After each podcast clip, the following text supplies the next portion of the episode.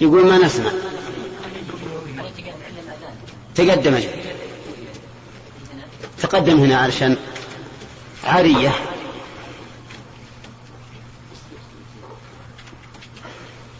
وين؟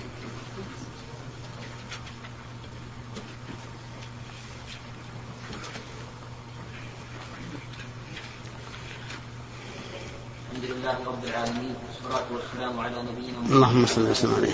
وسلم أما بعد. فهذا بحث في الجمع بين حديث جابر رضي الله عنه في تلباس عبد الله بن أبي قميص النبي صلى الله عليه وسلم بعد دفنه وحديث ابن عمر في إلباسه إياه قبل الدفن. قال الحافظ ابن حجر رحمه الله تعالى في فتح الباري كتاب الجنائز باب الكفن باب الكفن في القميص.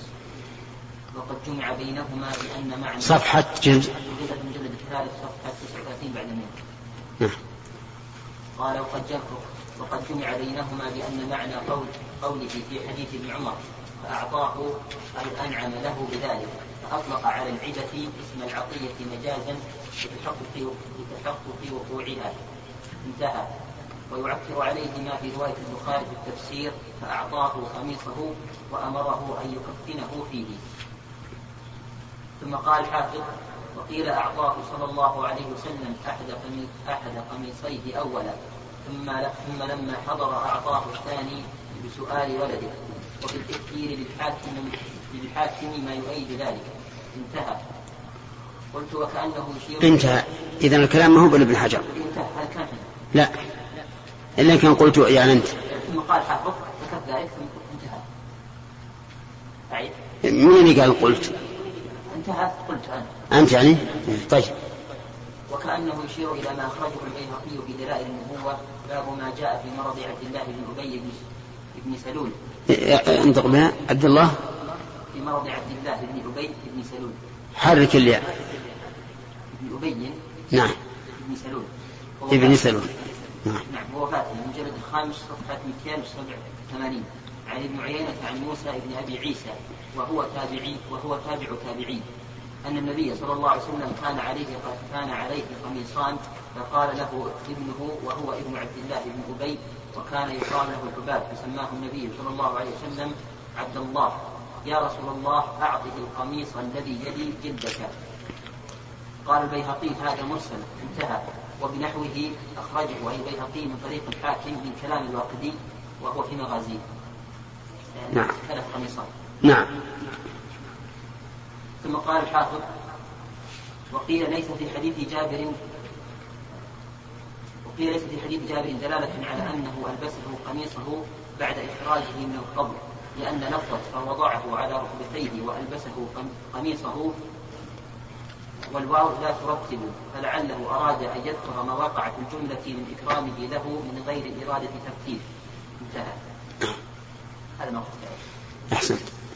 إذا ثلاثة أوجه في وجه عندك؟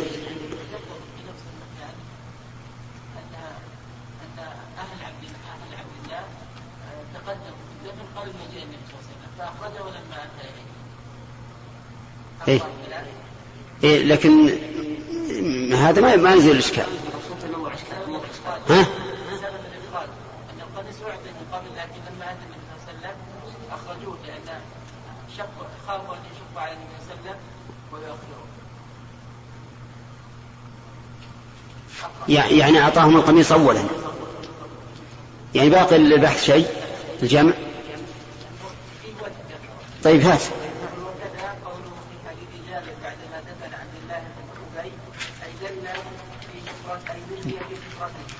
أهل عبد الله بن ابي خشوا على النبي صلى الله عليه وسلم مشقة في فبادروا إلى تجهيزه قبل وصول النبي صلى الله عليه وسلم فلما وصل وجدهم قد دلوه في حفرته فأمر باخراجه انجازا لوعده في تكفيره في القميص والصلاة والصلاة عليه والله أعلم.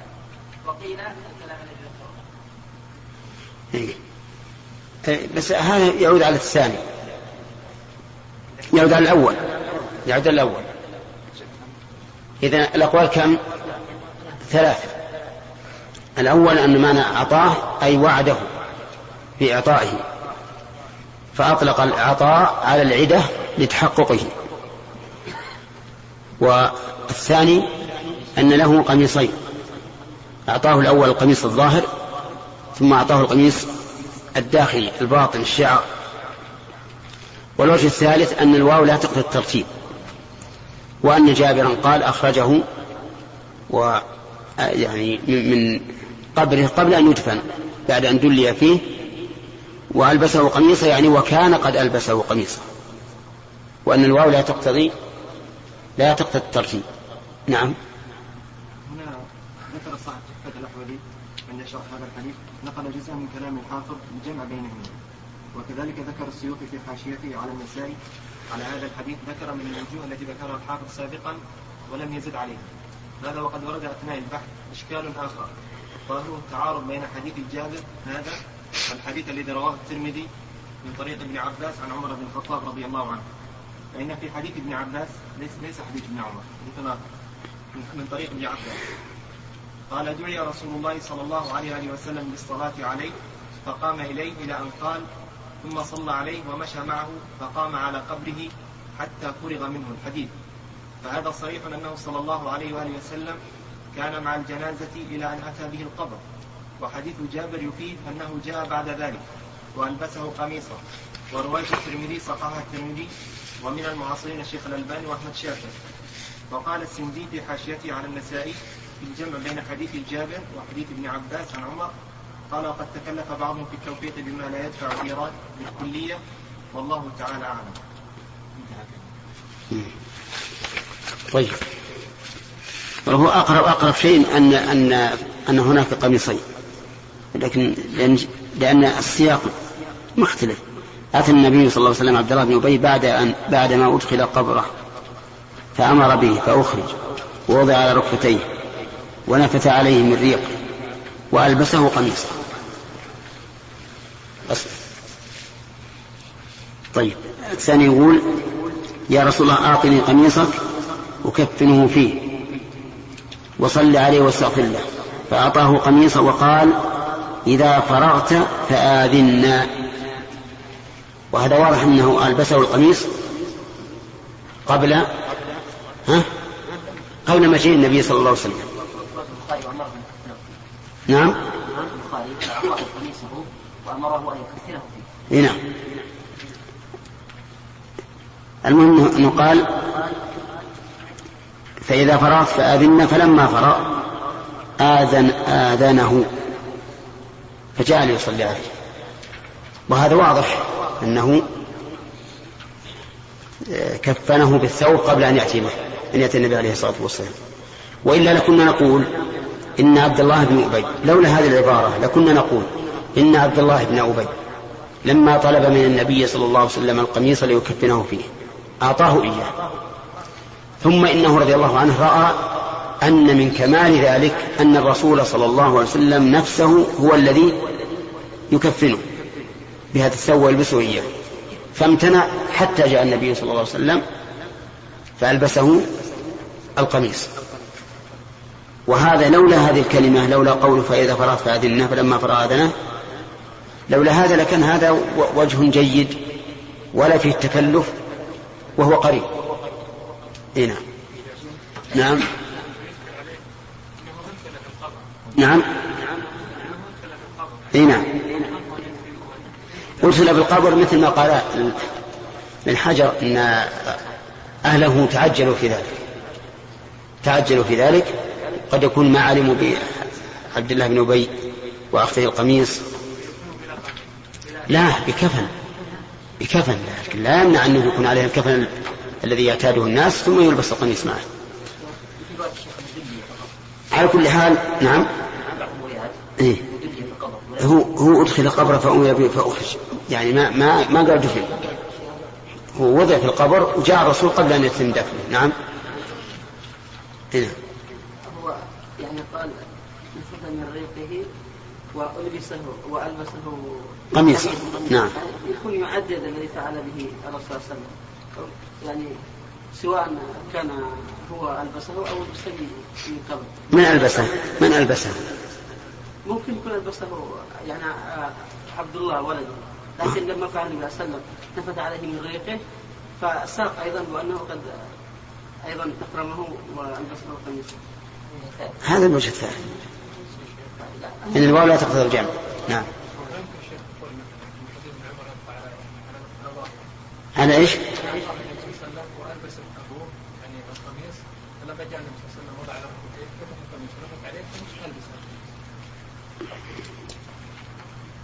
يعني خلع القميص اولا ثانيا يعني ثانيا.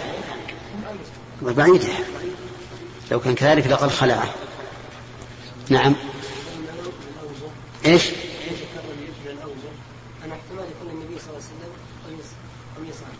أعطاه قميصين. نعم.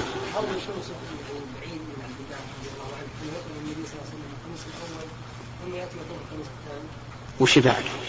يقال في يريد أقول وش عليه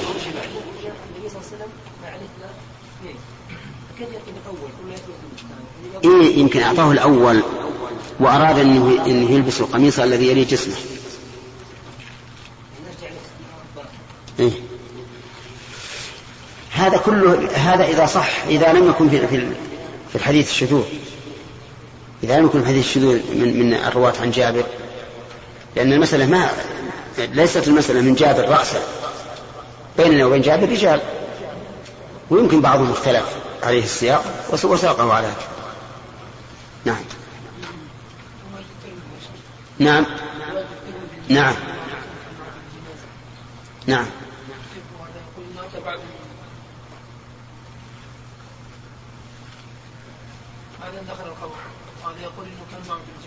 هذا إن صحت رواية الترمذي فلا مانع. لأنه ربما كان جابر رضي الله عنه لم يرى النبي صلى الله عليه وسلم إلا بعد أن أدخل في القبر بعد ما وصل عبد الله بن أبي في القبر ها؟ لماذا خرج النبي صلى الله عليه وسلم بعد لاجل يدخل في فيه على من ريقه ولاجل يلبسه القميص. ها؟ كان معه في ولماذا يدخله ثم يخرج؟ كيف يدخل ثم يخرج؟ كان معه بالجنازه نعم ولماذا يدخله القبر ثم يخرج وينفث فيه؟ ما كان ينفث قبل ان يدخل أنت تعرف الرسول عليه الصلاة والسلام ما هو بلازم أنه يكون ماسكا بالجنازة. الجنازة سبقت والرسول مثلا في, في أخريات القوم وأدخل ثم حضر. ما يمنع. تعرف المشيعين قد يكون كثير لا, لا- سيما إذا مثل هذا الرجل الذي كان يعد من أشرافهم وكبرائهم. نعم. ها رايك هذه الوجوه أقرب عندي ما أقرب ما يكون عندي أن أن هناك قميصين هذا أقرب شيء. نعم.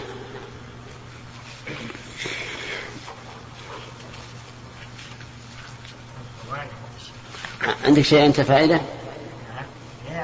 نفس الشيء واحد واو الوجه الثالثة ما كتب. أي وهذا الاثنين نفس الشيء. ما أي أحسنت والفوائد لهذه الحديث؟ أيهم؟ يعني هذا عبد الله بن أبي هذا منافق وليش هذا؟ هذا قبل أن ينهى عن الصلاة عليهم قبل أن ينهى عن الصلاة عليه. قال هناك في الشرح يعني عبد الله بن عبيد أعطى القميص للعباس. إذا استشهد في في البدر وبعد لا، لا. هو طويل القامة العباس. ما جاء قميص عليه إلا قميص عبد الله عبيد هو كذلك. ها هذه الحكمة لماذا أعطاه الرسول هذا القميص؟ هذا حكمة. حنا ذكرنا في هذا البارح أربعة أوجه. ذكرنا البارحة أربعة أوجه. أليس كذلك؟ نعم. طيب. خلاص انتهى. انتهى. السند إيش؟ إيش؟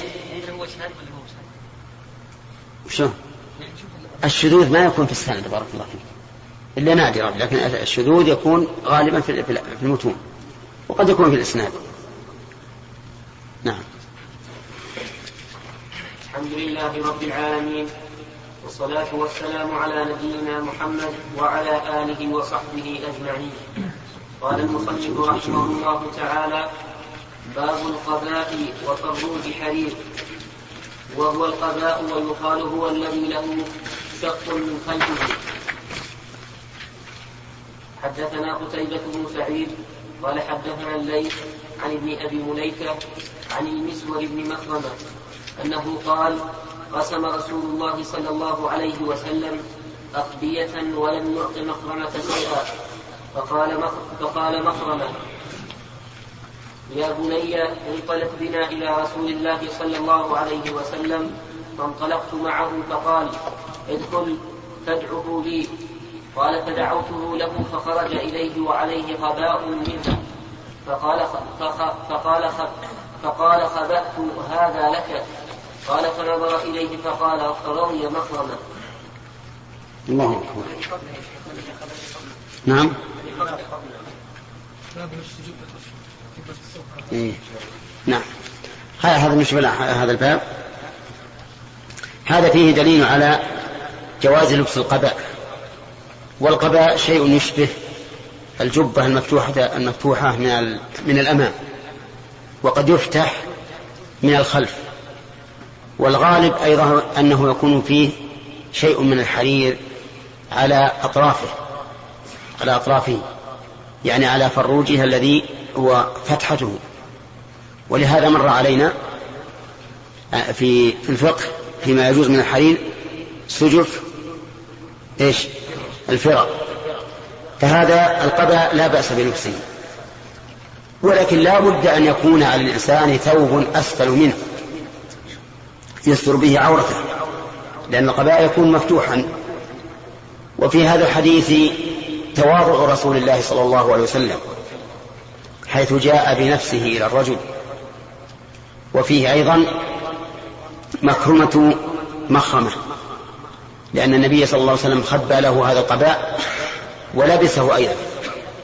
وكون مخرمة يلبسه بعد لبس النبي صلى الله عليه وسلم له لا شك أن هذا من الأمور من منقبة كل إنسان يتمنى أن يلبس الثوب الذي كان النبي صلى الله عليه وسلم قد لبسه.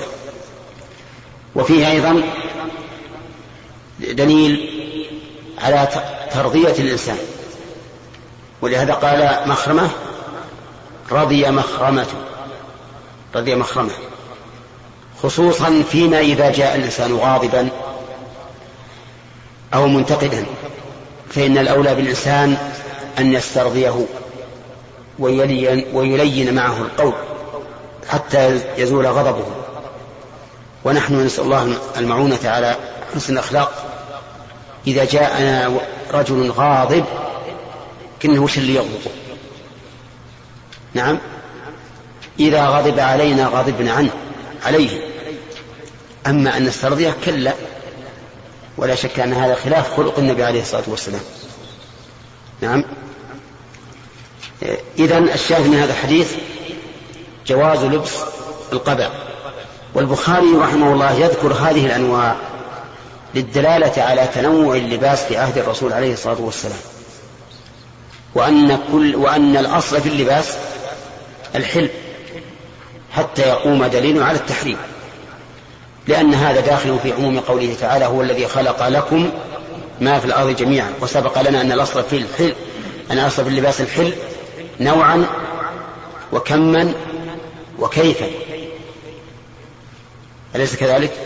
نعم. نعود للباب الأول اللي قالوا الإخوان نفات باب لبس جبة السوق في الغزو.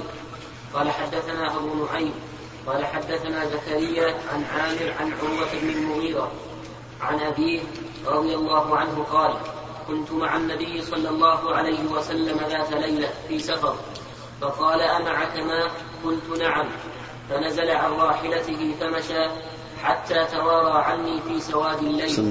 ثم جاء فأفرغت عليه الإدارة فغسل وجهه ويديه وعليه جبة من سوء فلم يستطع أن يخرج ذراعيه منها حتى أخرجهما من أسفل الجبة فغسل ذراعيه ثم مسح برأسه ثم أهويت لأنزع خفيه فقال دعهما فإني فقال دعهما فإني طاهرتين فمسح عليهما.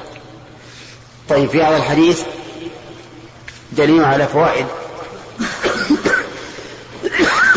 قضية المغيرة بن شعبة رضي الله عنه في خدمة النبي صلى الله عليه وسلم وجواز نزول الإنسان عن راحلته وهي قائمة. بقوله نزل عن راحلته ولم يذكر أنه بركها. وفيه دليل على استحباب البعد في الفضاء عند قضاء الحاجة. لأن النبي صلى الله عليه وسلم انطلق حتى توارى عنه. وفيه دليل على حمل الماء للوضوء لأن المغيرة كان معه إداوة فيها ماء يتوضأ به النبي صلى الله, صلى الله عليه وسلم. وفيه دليل على جواز استعانة غير استعانة الإنسان غيره في الوضوء. لأن المغيرة كان يصب على النبي صلى الله عليه وسلم وضوءه. وفيه أيضا دليل على جواز استخدام الغير. إذا كان الغير لا يتبرم من ذلك بل إذا كان الغير يفرح بهذا الشيء. فيكون النهي عن سؤال الناس مخصوصا بمثل هذه الحال. يعني إذا رأيت أن غيرك إذا أمرته أن يخدمك في شيء كان ممنونا بهذا ويفرح به فهذا لا يعد من سؤال الناس. لأن سؤال الناس إنما منهي عنه من أجل إيش؟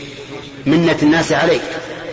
لكن هذا أنت الذي تمن على الناس به.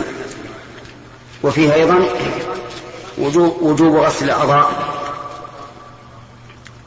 الأربعة لقوله غسل وجهه ويديه. نعم. ومسح رأسه. فالرأس يمسح والوجه واليدان. وسلام. أما الرجلان فإن النبي صلى الله, صلى الله عليه وسلم مسح على خفيه لأنهما أدخل لأنه أدخلهما طاهرتين. وفي هذا دليل الحديث أيضا دليل على أنه يشترط لجواز المسح إدخال الرجلين على طهارة. لقوله فإني أدخل أدخلتهما طاهرتين. وفيه دليل على أن المسح للابس الخف أفضل من الغسل. لقوله دعهما فأمره بتركهما. ولكن إذا لبس إذا لبس ليمسح هل له أن يمسح؟ الجواب نعم. له أن يمسح لأن الأصل في لبس الخفين من أجل من أجل المسح. وهذا الرجل لبس ليمسح. نعم. ما هو الشاهد لهذا الحديث؟ للباب؟ ما هو الشاهد في هذا الحديث للباب وعليه جبة من صوف. نعم. نعم. هل يؤخذ من الحديث انه انه يشترط ان لا يمسح؟ على الاخرى الا بعد لبس الثانية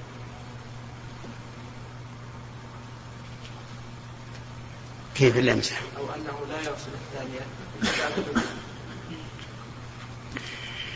إنه يشترط ادخالهما جميعا خللهما جميعا. مثلا لو أدخل اليمنى فإنه لا يعني هل تقول هل فيه دليل على أنه يشترط لبسهما على طهارة كاملة وأنه لو غسل الرجل اليمنى ثم أدخل الخف ثم غسل اليسرى لم يصح؟ ها؟ هذا هذا سؤالك؟ ما تقولون ها؟ إيه لكن الكلام على الحديث يدل على هذا؟ طيب فيه فيه خلاف الحقيقة. هل توزع الجملة على كل فرد فيما يقابله؟ أو توزع الجملة على كل فرد فيما يقابله ويقابل المجموع إليه؟ في هذا خلاف بين بين أهل العلم. بعضهم يقول أدخلتهما طاهرتين أي أدخلت كل واحدة طاهرة. فعندنا صفة وموصوف. الصفة طاهرتان الموصوف القدمان. فهل المعنى أني أدخلتهما بعد أن اتصفا جميعا بالطهارة أو بعد أن اتصفت كل واحدة منهما بالطهارة؟ نعم. يحتمل هذا وهذا العلماء مختلفون فيه. ولكننا ذكرنا فيما سبق أن الأحوط أن لا يفعل إلا بعد كمال الطهارة لأن في بعض الألفاظ في السنن إذا توضأ فلبس خفيه فليمسح عليهما فقال إذا توضأ فلبس وظاهر هذا أنه لا بد من كمال الوضوء قبل اللبس. نعم. فهد قال فانتهى النبي صلى الله عليه وسلم إلى الصباح قوم فقال اضمع فدلوت حتى قمت عند عقبيه فبال ثم وذكر الحديث هذا لا يدل ما ذكره المغيرة يا فهد لعله حذيفة. حذيفة بن الإمام. إي نعم.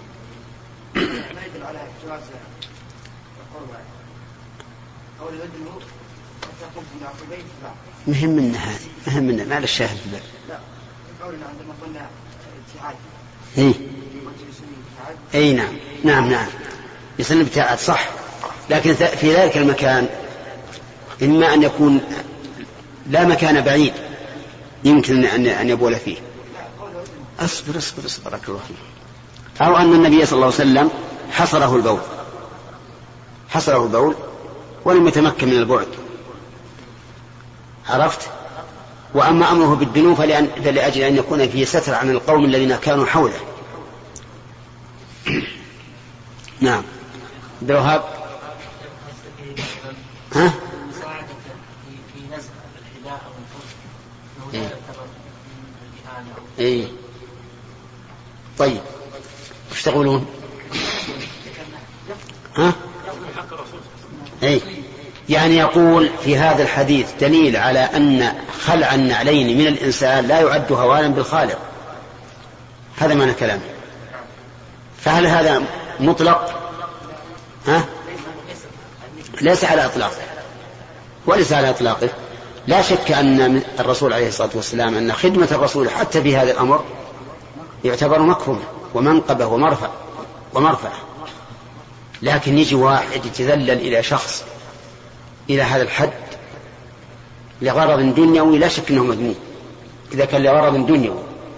أما إذا كان لمصلحة مثل لو فرضنا أن أن هذا الإنسان فعله في رجل من أهل العلم أمام قسيس من الخبثاء النصارى أو غيره ليبين له أن المسلمين يكرمون أهل العلم فيهم فيغتاظ الكافر فهذا يكون جي جيدا.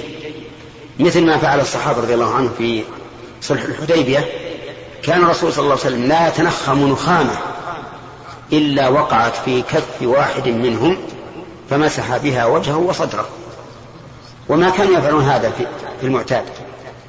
لكن أرادوا أن يذهب رسول رسول قريش إلى قريش مشدوها وفعلا هذا اللي حصل.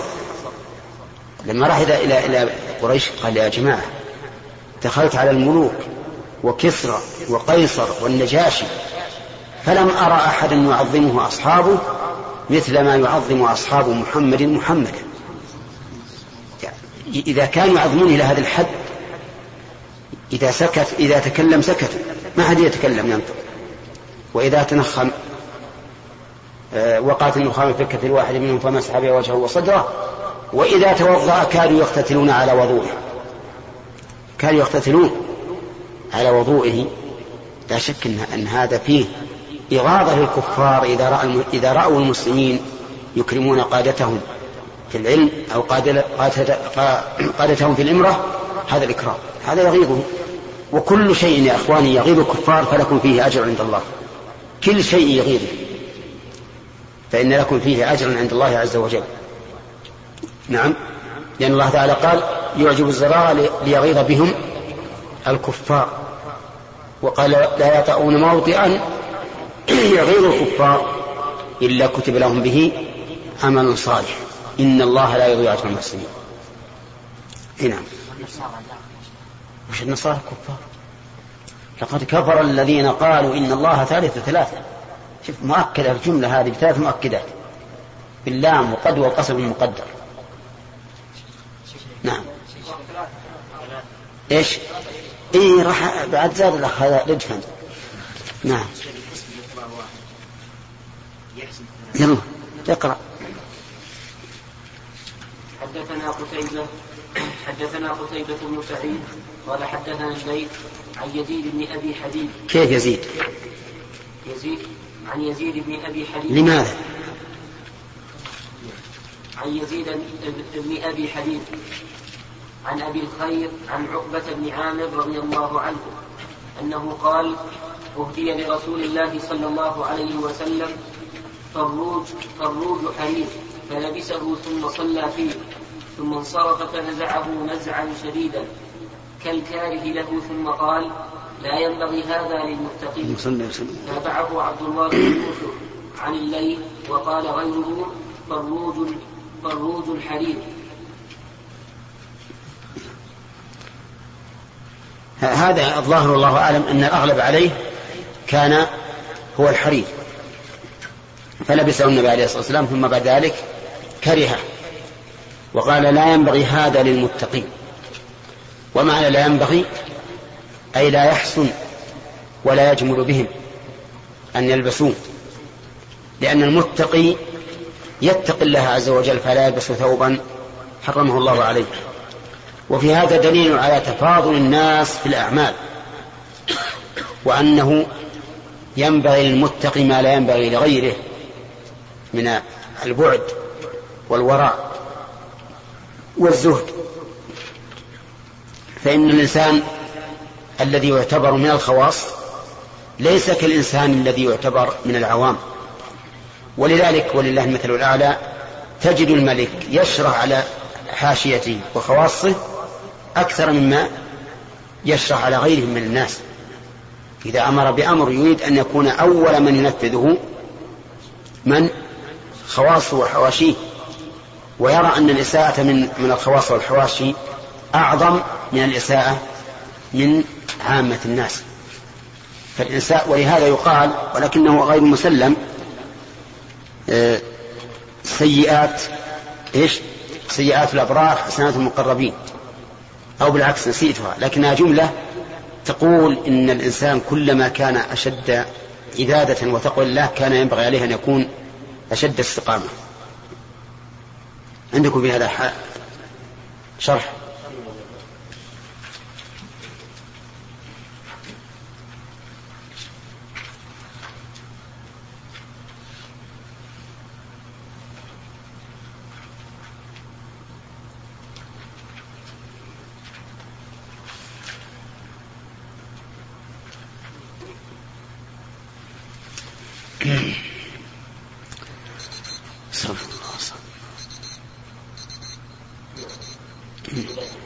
نعم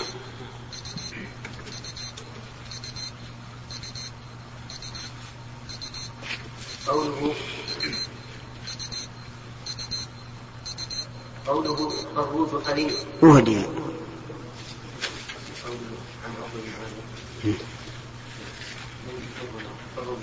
طيب. قوله فروج حرير في رواية ابن إسحاق عند أحمد فروج من حرير. قوله ثم صلى فيه زاد في رواية ابن إسحاق وعبد الحميد عند أحمد ثم صلى فيه المغرب. قوله ثم انصرف في رواية ابن إسحاق فلما قضى صلاته وفي رواية عبد الحميد فلما سلم من صلاته وهو المراد بالانصراف في رواية الليل قوله فنزعه نزعا شديدا زاد أحمد في روايته عن حجاج وهاشم عنيفا أي بقوة ومبادرة ومبادرة لذلك على خلاف عادة على خلاف عادته في الرفق والتأني وهو مما يؤكد أن التحريم وقع حينئذ. قوله كالكاره له زاد أحمد في رواية عبد الحميد بن جعفر. ثم ألقاه فقلنا يا رسول الله قد لبسته وصليت وصليت فيه. قوله ثم قال لا ينبغي هذا. يحتمل أن تكون الإشارة لللبس ويحتمل أن تكون للحرير فيتناول غير اللبس من الاستعمال كالافتراش قوله للمتقين. قال ابن بطال يمكن أن يكون نزعه لكونه كان حريرا صرفا. صرفا. صرفا. ويمكن أن يكون نزعه لأنه من جنس لباس الأعاجم. وقد ورد حديث ابن عمر رفعه من تشبه بقوم فهو منهم. قلت أخرجه أبو داود بإسناد حسن. وهذا التردد مبني على تفسير المراد بالمتقين. فإن كان المراد به مطلق المؤمن حمل على الأول. وإن كان المراد به قدرا زائدا على ذلك حمل على, الثاني. والله أعلم. قال الشيخ أبو محمد بن أبي جمرة اسم التقوى يعم جميع المؤمنين لكن الناس فيه على درجات. قال الله تعالى ليس على الذين آمنوا وعملوا الصالحات جناح فيما طعموا إذا ما اتقوا وآمنوا وعملوا الصالحات. الآية فكل من دخل في الإسلام فقد اتقى. أي وقي نفسه من الخلود في النار. وهذا وهذا مقام العموم. وقع, وقع نفسه. أي وقع نفسه. أي وقع نفسه من الخلود في النار. وهذا مقام العموم. وأما مقام الخصوص فهو مقام الإحسان. كما قال صلى الله عليه وسلم صلى أن الله عليه وسلم. تعبد الله كأنك تراه. انتهى. وقد رجح عياض أن المنع أن المنع فيه يكون أن المنع فيه لكونه حريرا. واستدل لذلك بحديث جابر الذي أخرجه مسلم في الباب من حديث عقبة. وقد وقد قدمت ذكره في ذكره في كتاب ذكره، ذكر. قدمت ذكره في كتاب الصلاة. وبينت هناك أن هذه القصة كانت مبتدأ مبتدأ مبتدأ تحريم لبس ابتدأ كانت مبتدأ تحريم لبس الحرير. وقال القرطبي في المفهم المراد مفهم مفهم. وقال القرطبي في المفهم المراد بالمتقين المؤمنين لأنهم الذين خافوا الله تعالى واتقوه بإيمانهم وطاعتهم له. وقال غيره لعل هذا من باب التهييج للمكلف على الأخذ بذلك لأن من سمع أن لأن من سمع أن من فعل ذلك كان غير متق غير.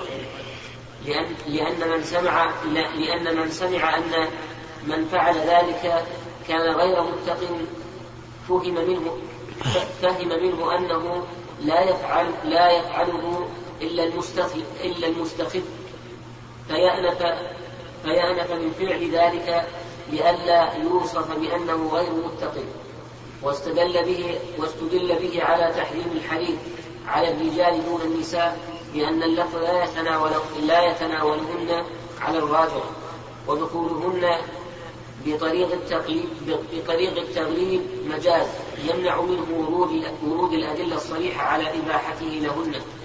وسيأتي في باب المفرد بعد قريب من عشرين بابا. لا شك أن هذا ليس بصحيح. قوله إن اللفظ خاص بالرجال مخرج للنساء لأن كثيرا من ألفاظ القرآن والسنة بلفظ الذكور. والنساء فيهن فيه تبع. قد أفلح المؤمنون الذين هم في صلاتهم خاشعون. نقول والمؤمنات ما يفلحن إذا اتصلنا بهذه الصفات؟ نعم؟ لا.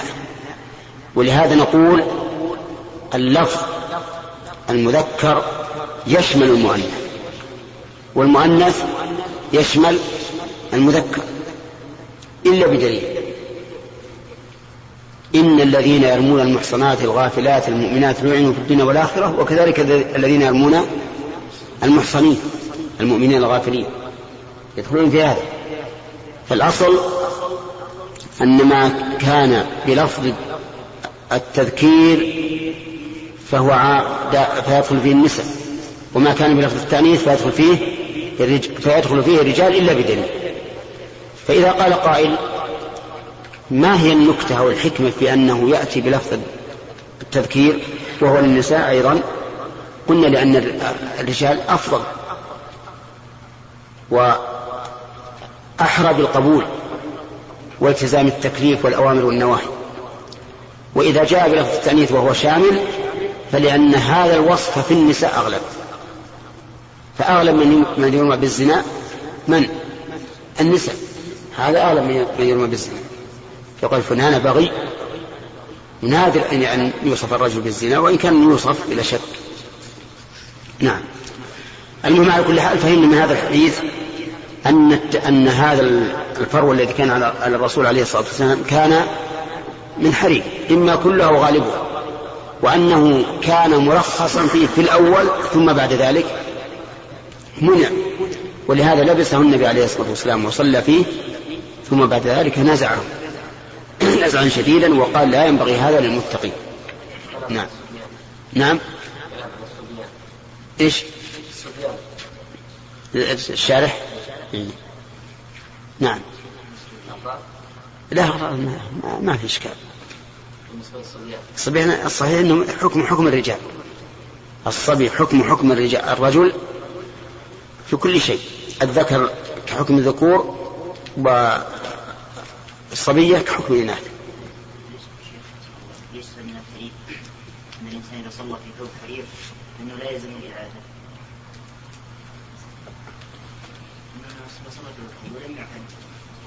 قبل التحريم قبل التحريم.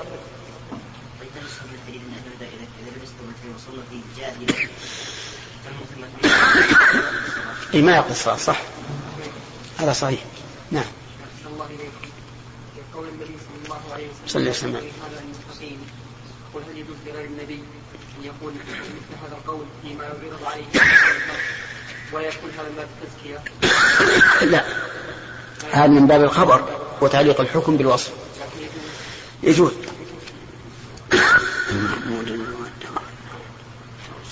نعم يا حسين.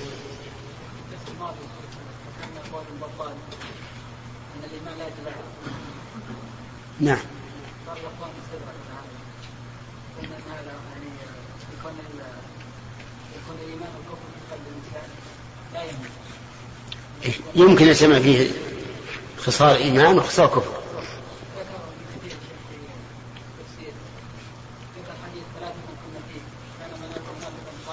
نعم. خاصة من النفاق. نعم.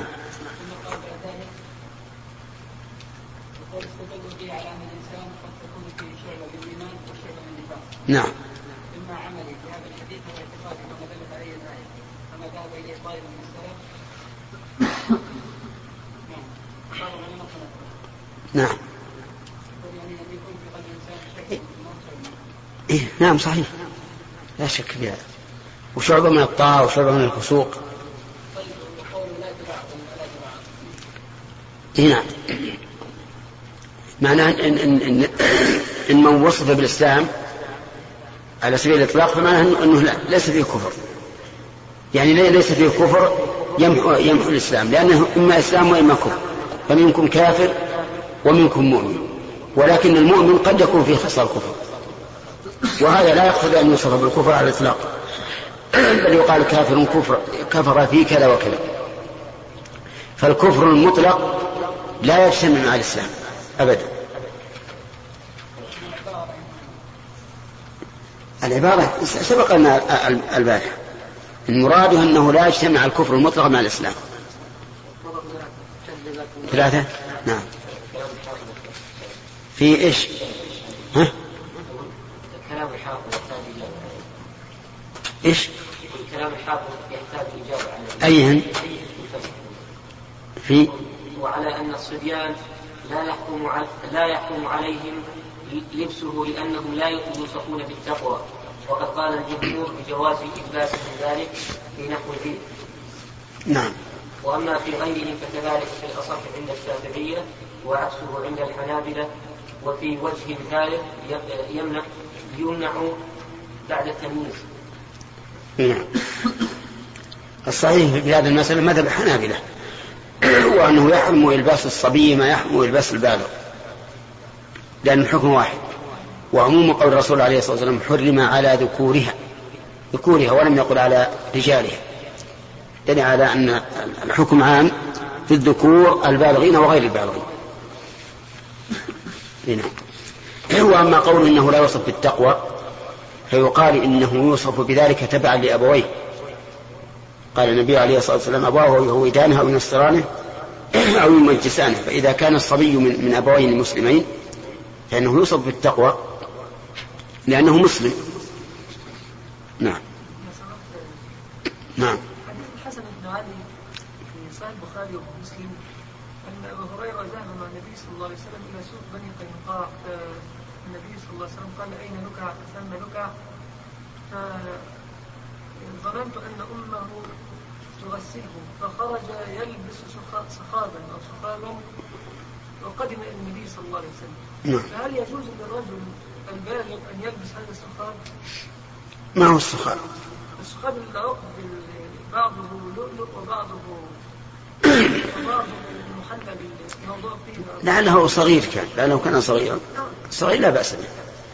لأن هذا يتبع يتبع العادة. وله بذهب لو كان ذهبا لقلنا حرام عليه.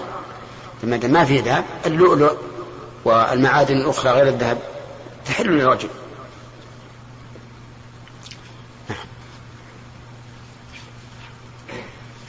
باب باب البرانس وقال لي مسدد حدثنا معتمر. قال سمعت أبي قال رأيت على أنس برنسا أصفر من أصفر من خز. حدثنا إسماعيل. البرنس ما هو؟ قلنا ثياب ها؟ لا ما هي ثياب المغاربة يحتاج يروح يسافر الواحد للمغرب.